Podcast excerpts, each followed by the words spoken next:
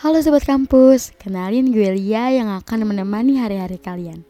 Di sini gue mau share nih ke kalian cerita tentang apa itu people come and go. So, dengerin sampai habis ya guys. Jadi, di sini kalian pernah gak sih merasakan kehilangan seseorang? Jawabannya ya pasti pernah kan? Dan setiap orang pasti akan merasakan hal itu. Merasakan people come and go. Karena sesuatu yang datang pasti akan pergi. Entah itu mau siapa, mau gimana, mau orang yang kamu sayang sekalipun, ya pasti mereka bakalan pergi. Emang sih, rasanya sakit sekali ditinggalkan seseorang, apalagi orangnya itu adalah orang yang kita sayang. Hmm, oh iya guys, mau nanya nih, kalian pernah gak punya seseorang yang spesial? Atau sebut aja lah ya pacar. Pasti pernah lah ya mempunyai orang yang spesial.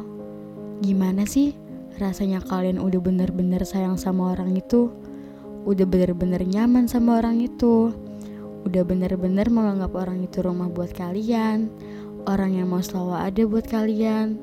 Orang yang selalu baik sama kalian? Orang yang benar-benar mengerti kalian?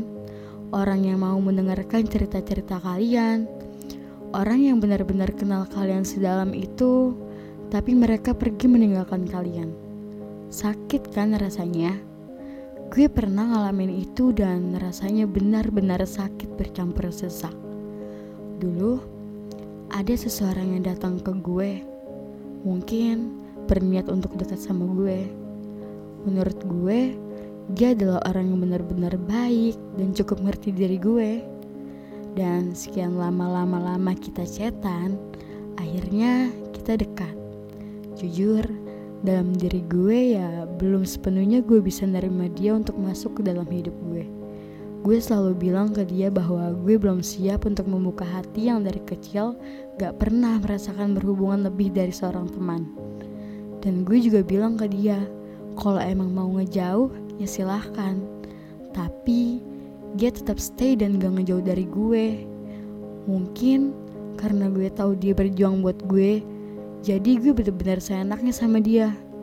Di situ, gue bener-bener ngerasa bersalah banget dan jahat banget sama dia. Karena gue merasa bener-bener gak enak sama dia, gue mutusin buat ngaudahin sama dia.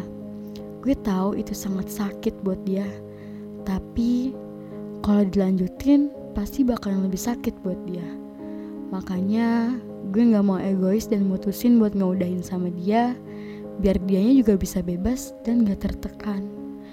Gue kira gue bisa ngelepasin dia dan gue kira gue juga bisa kalau tanpa dia gue bakalan kayak biasa-biasa aja.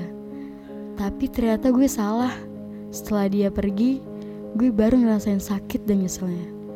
Gue bener-bener kaget ternyata sesakit ini dan gue juga belum bisa ikhlas ngeliat dia sama yang.